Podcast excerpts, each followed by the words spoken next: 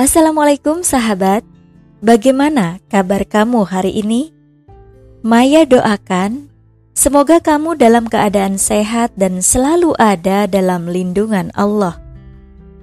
Ya sahabat, saat ini kamu sedang mendengarkan podcast Narasi Pos Media. Sebelum mendengarkan lebih lanjut, silakan tekan tombol follow di sisi kiri atas. Terima kasih. Sahabat narasi pos media, kali ini Maya akan membacakan story dari Hana Anissa Afriliani SS. Berjudul Krisis Empati Berujung Menzolimi. Ya, sahabat, ada sebuah perkataan dari Ali bin Abi Thalib seperti ini.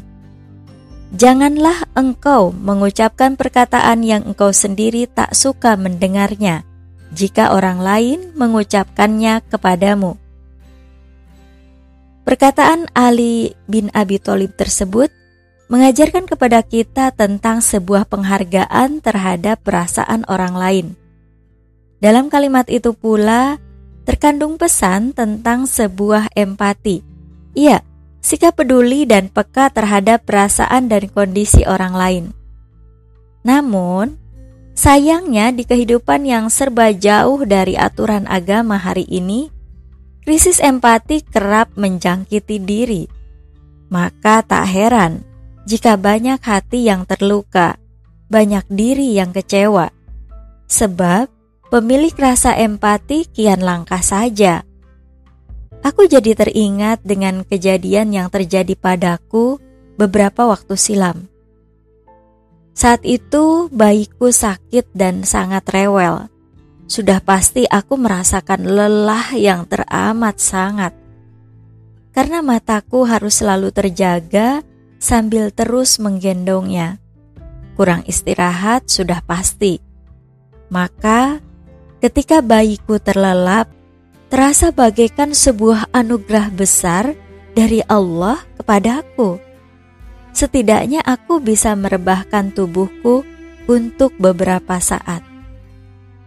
Namun, baru saja lima menit bayiku tertidur, tiba-tiba suara beberapa anak bermain bersama teman-temannya di jalan depan rumahku terdengar sangat nyaring mereka menjerit, tertawa, berteriak-teriak, bahkan sambil melempar benda, entah apa ya, dengan bisingnya.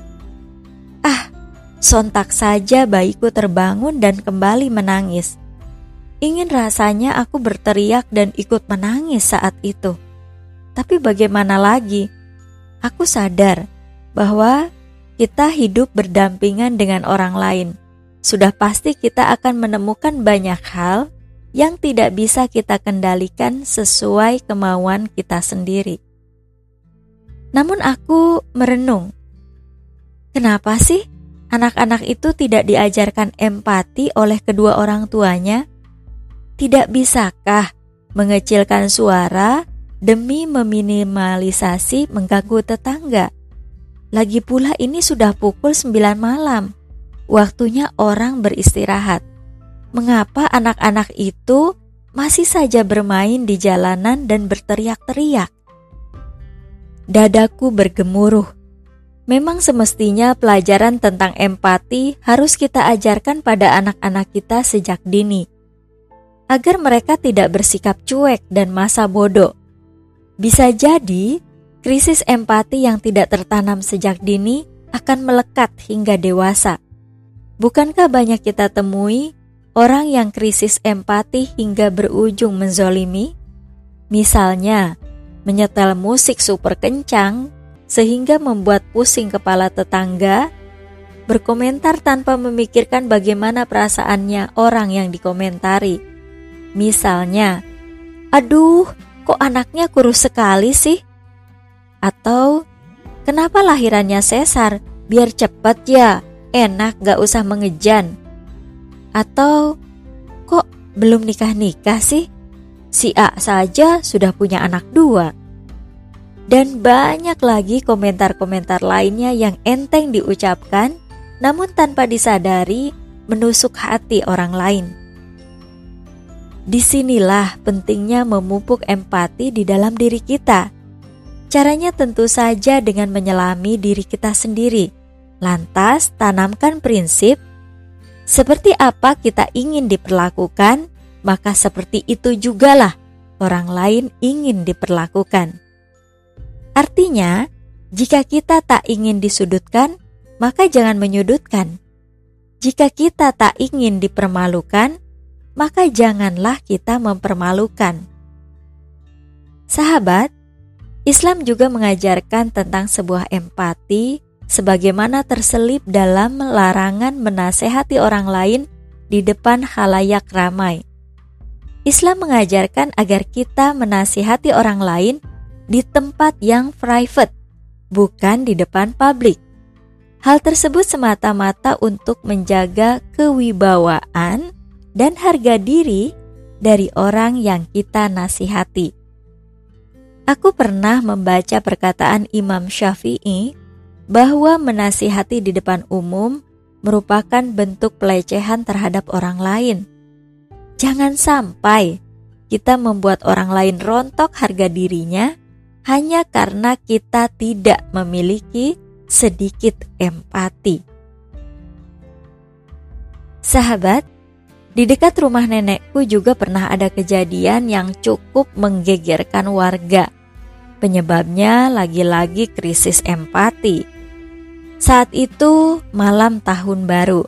Beberapa anak remaja menyalakan petasan super besar tepat di malam pergantian tahun. Duar! Suaranya menggelegar memecahkan malam. Mereka tak peduli terhadap orang-orang yang telinganya dibuat pekak oleh bunyi petasan itu. Mereka juga tak peduli dengan orang-orang yang mungkin tengah sakit di malam itu. Benar saja, seorang wanita tua yang memang memiliki penyakit jantung kronis seketika meregang nyawa, terkena serangan jantung saat mendengar suara petasan tersebut. Sungguh, betapa krisis empati benar-benar berujung menzolimi. Dan rupanya, krisis empati ini juga sudah sejak lama menjangkiti para petinggi negeri. Mereka tak lagi memiliki rasa peduli atas nasib rakyatnya yang duduk di atas dipan-dipan penderitaan. Sebaliknya, mereka malah menyuguhkan pertunjukan penuh intrik demi melanggengkan kursi kuasa. Bukankah baru saja kita saksikan panggung mewah penguasa bertabur gaji dan tunjangan fantastis hingga harta kekayaan yang naik drastis?